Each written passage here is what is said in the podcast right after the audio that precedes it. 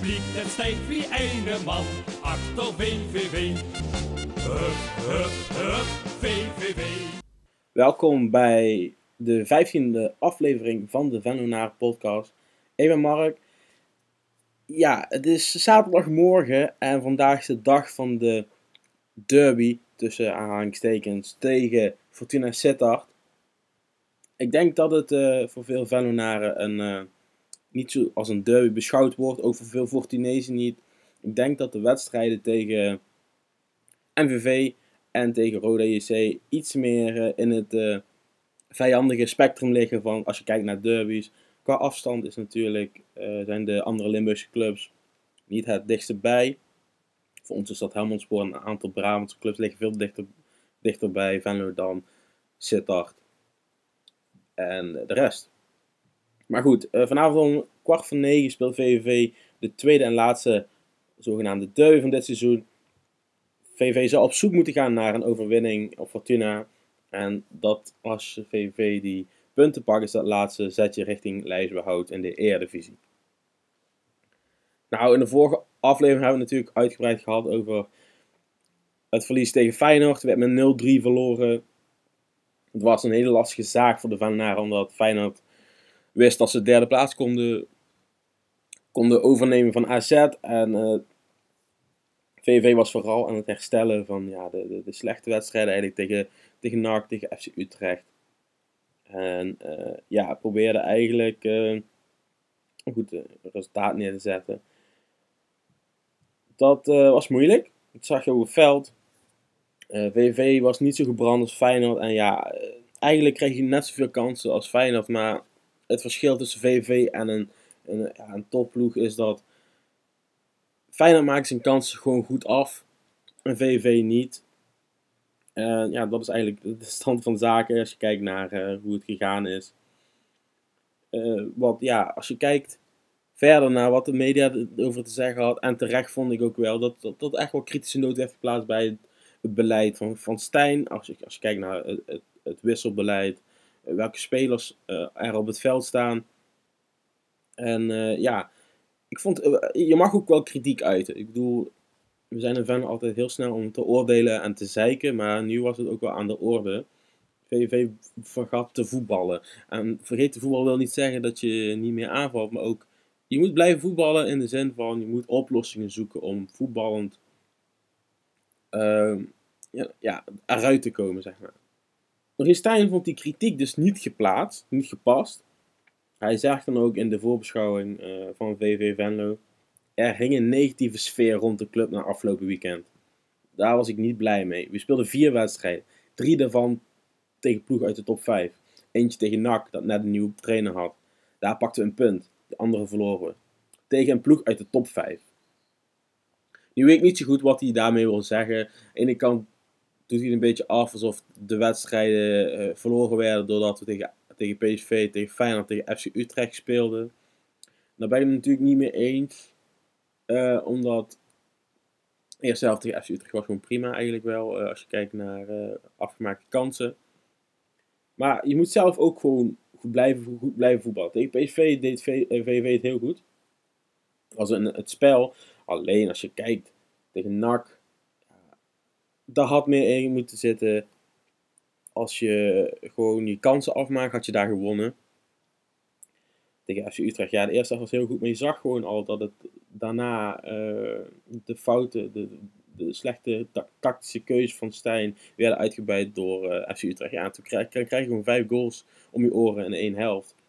Het, het zou niet mogen, maar het gebeurde toch va- van, vanuit die optiek. Ja, tegen Feyenoord leek het wel iets stabieler te zijn, maar er zat gewoon geen fut in, in, in de spelers. Misschien ligt het aan het feit dat ehm, we geen brede selectie hebben. En Stijn heeft al eerder gezegd dat ja, onze selectie is niet zo breed. Dat betekent dat ik alles uit mijn spelers moet persen. En dat leidt ieder seizoen, want dat is ook kritiek, hè? Ieder seizoen, ieder seizoen leidt tot het einde dan een beetje als een nachtkaars uitgaat. Of dat vind ik in ieder geval. Ik weet niet hoe, eh, hoe de meeste mensen daarover denken, maar ik hoor wel heel vaak dat mensen zeggen: ja, eh, we hebben de punten weer binnen en het, eh, het gaat weer achteruit met, met VVV. Stijn zegt dan ook nog van... Ik verwacht een strijdbare ploeg die absoluut voor de winst gaat spelen tegen Fortuna Sittard. Maar ook moet snappen dat een punt beter is dan verliezen. We zijn scherp, kunnen variëren. Ik verwacht geen nachtkaars die langzaam uitgaat. Ik verwacht resultaten. Hij toont zich heel strijdbaar in de wedstrijd naar Fortuna Sittard toe. Maar uh, we zijn allemaal een beetje voorzichtig, denk ik. Want we, we hebben de wedstrijden gezien de afgelopen tijd. En ja, tegen Fortuna Sittard wordt heel belangrijk, omdat er drie punten verschil is. En het doelsaldo is, verschilt niet heel veel. Volgens mij zijn het er twee doelpunten of drie doelpunten. Er moet gewoon goed, goed gevoetbald, ja, vooral resultaatgericht gevoetbald worden. 36 punten ben je klaar. Dan zit je goed. Dan heb je een van de hoogste puntenaantallen van, van VVV ooit in de Eredivisie. Verlies je 33 punten, hoef je steeds niet heel erg zorg te maken, maar de nacompetitie komt dan wel eigenlijk dichtbij. Dan wil, maar dat is nog wel een scenario dat alle clubs onder je veel gaan winnen. Uh, nou, kijk even naar de kranten, want de Limburg had ook uh, weten te melden dat de Vennaar een extra dagje vrij hadden, omdat het mentaal een zware week is geweest.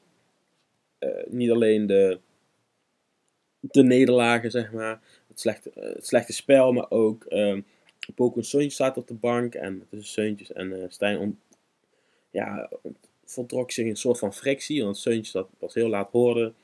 Daarna kwam ook nog nieuws naar buiten dat Ralf Seuntjes gaat vertrekken bij VV Venlo. Na vier seizoenen. Dus het was allemaal een beetje, een beetje wikken en wegen, een beetje, een beetje raar. Inmiddels is de, ja, is de, is de lucht geklaard en uh, staat iedereen weer uh, vers op. zijn, heeft iedereen verzekerd dat Ralf Seuntjes de komende vijf wedstrijden nog alles gaat geven voor VVV. Dus ja, hopen we dat dat zich volhoudt als je kijkt naar de spelers van VVV, kijk naar de selectie voor de wedstrijd Fortuna.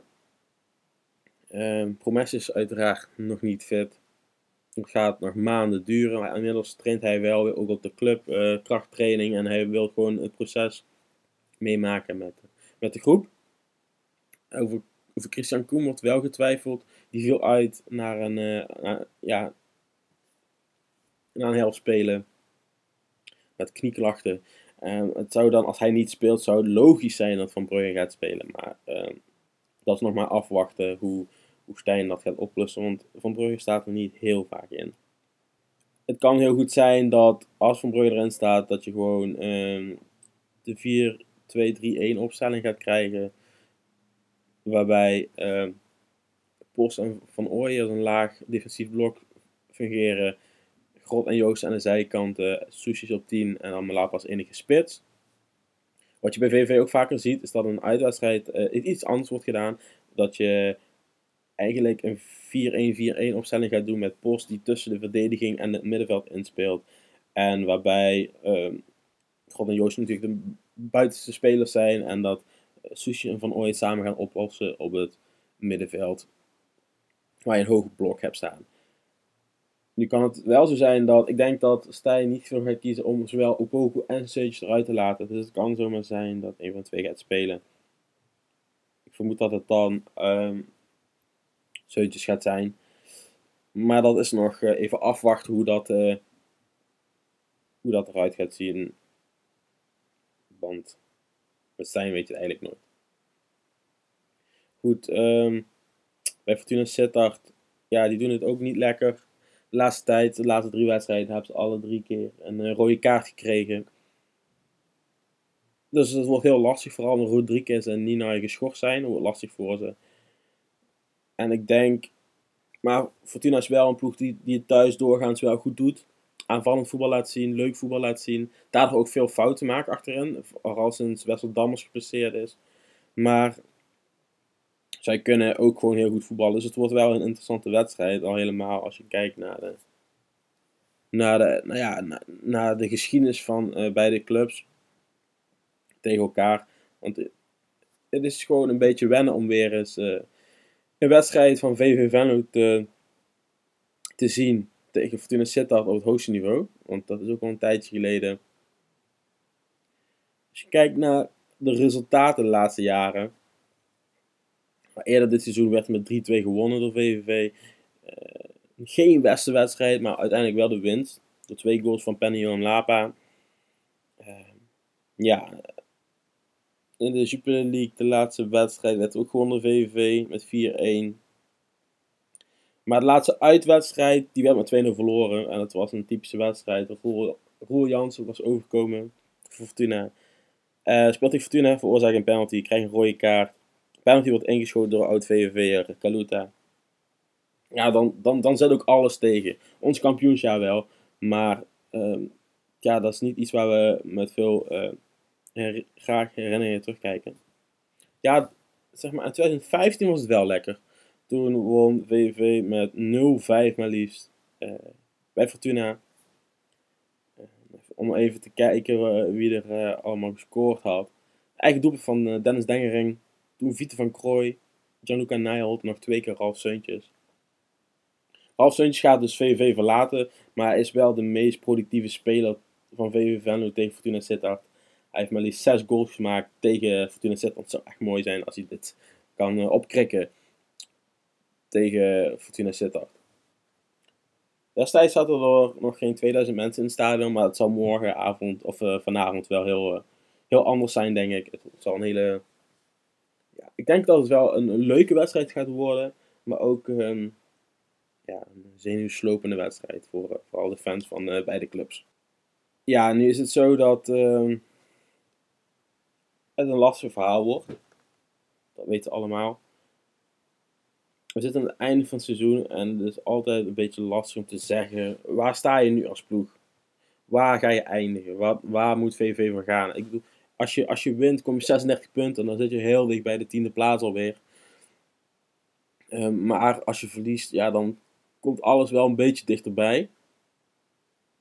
Ik weet ook niet goed wat ik moet denken uh, van VVV deze, deze wedstrijd. Ik denk... Um, zelf heb ik het gevoel dat 1-1 gaat worden. Um, en dat zie ik er nog redelijk positief in. Want, uh, ik denk dat uh, met, de, de, huidige, hoe wij huidig staan te verdedigen, dat het nog wel eens lastig kan worden. Vooral als Fortuna met 11 man de wedstrijd mee te eindigen, dan zou het zomaar kunnen dat we gaan verliezen. Dat hopen we natuurlijk niet, want dan wordt het nog heel lastig de komende wedstrijden. Win je, dan is het echt top. Want dan kun je eigenlijk al een beetje uitkijken naar het volgende seizoen. Dan zit je in niemandsland, maar dan kun je uitkijken naar een nieuwe selectie. Eh, hoe ga je die vormgeven? Wat gaat er gebeuren met de huidige spelers? Wie gaat er weg? Wie krijgt een contractverlenging? Of een nieuw contract? Uh, wie, komt er door van de jeugd? Uh, ja, wat gaat er iets gebeuren met de trainers? Wie weet. Dat soort dingen kunnen we dan gaan bespreken. Als jullie meer willen weten nog over uh, de aankomende wedstrijd tegen Fortuna Sittard, zou ik vooral even kijken op onze, onze website fenomenare.net. Daar een voorbeschouwing uh, geschreven. En dan, en kun je ook nog even kijken naar onze tactische analyse van de wedstrijd tegen Feyenoord. En de samenvatting en interviews kijken van die laatste wedstrijd. Hopelijk uh, tot de volgende keer met een overwinning voor VV. En is de volgende keer? Aje.